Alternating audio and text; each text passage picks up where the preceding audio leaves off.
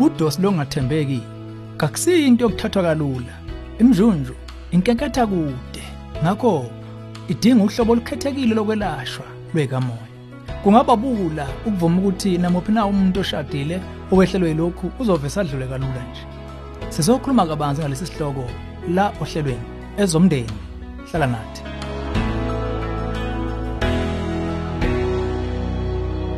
Angiphinde ngubingelele ezomndeni. Uhlelo lwakho lukulethela izeluleko eziphathekayo ngaba ka focus on the family sithola umbuzo kunkosikazi onemnjunju othe Ngakuba ukuthi ngisahluleka kulala nomnyeni wami embhede munye emva kokuthi ngathola wayekade eneshende kuchaza ukuthi angamthetheleli. Enyangeni ezimbalwa ngithanda kuthola ukuthi usethandane nomunye wesifazane ngokungaphezulu kweminyaka ewu4. Ubhlungu yena ngalokho akwenza futhi usebunqamlile ubudlelwane babo. Kodwa ngezathu thizeni ngekuthola kunzima ukusondela kuye.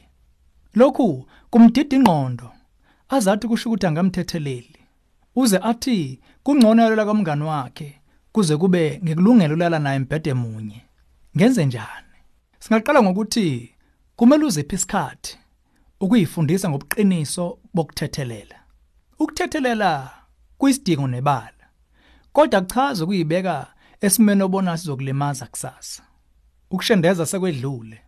Kodwa wena nomnyeni wakho nesebanga elide elisadinga ulihamba ukubuyela esimene sejwayelekile ungathembeki kakusiyimhuzu kwanyana nje usesikhumbeni emshadweni. Umhuzu kojulile nobuhlungu wakwenza ungaphindi umethemba oshade naye kudirike nobudlane benu. Okudinga uyiqonde kahle futhi isetshenzwe ngendlela yawo. Ngokwesimo sichazile kuyezwakala kahle ukuthi uzizwa ungelula. Ukunamathela kuye. Khumbula ukuthi ukuthethelela kungumuzwa wenhliziyo kanjalo futhi nokukhetha ngokomqondo. Kungenzeka ngengqondo uthatha isinqumo ukumthethelela umyeni wakho kodwa ngenhliziyo kuzothatha isikhathi ukumthethelela nokudlulisa. Imizwa yenhliziyo imele ukuthatha esayo isikhathi ngeke uyiphoqa ukusheshisa. Lokho kuliqinisi kakhulukazi mawulinyazwe ngokujulile. Okuliqiniso kunakho konke la khona kubandakanya indaba yezocansi. Ubudlane bezocansi benza omunye ephuke kakhulu enhlizweni.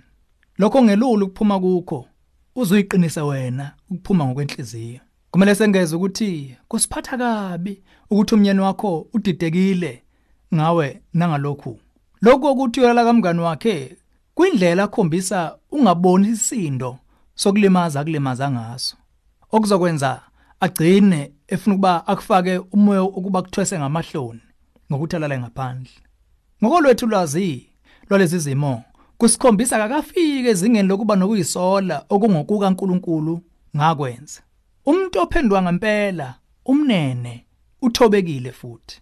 Akaphoqa umuntu ukwenza izinto ngamaphutha edalwe nguye. Kunalokho ukubuza ukuthi ngiyakwenza kanjani uzizwe unethezekile? Wenza konke ngenhliziyo yakhe. Ungabiza naliphi inani ukubuyisela ubudlane endaweni enhle.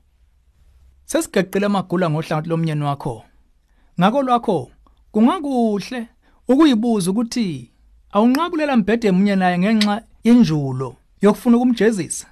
Udinga ukuqonda ukuthi akukho kuphindisela kuye ongasiza ilonda enhlizweni yakho. Ngakulimaza ngakho emshadweni wenu. Isombululo seqiniso ukuthola indlela entsha ukudlula ebuhlungwini uqale kabusha. Lolu hlobo lwemibuzo ozodinga ukuyibuza nomeluleko ongoti kwezemshado. Umnyango wezokululeka efocus on the family ungakuxhumana nabaluleki abangabaseduze nawe. Zingaphinde isebenza lomnyango zithokoza ukuxoxa nawe ngocingo ukulungisa le ndaba. Sicela usishayele ku-031 716 3300 kumbe ungene ku-safamily.co.za bese ticofo ku-counseling link. Usukhuleka kuba umnyeni wakho aphenduke ngeqiniso futhi ame nawe ekuphulukeni kweqiniso. Lolu hlelo ezomndeni ulethulelwe yi-focus on the family sihlangabezwa hlelo luzayo sesihlabelisa phambili umndeni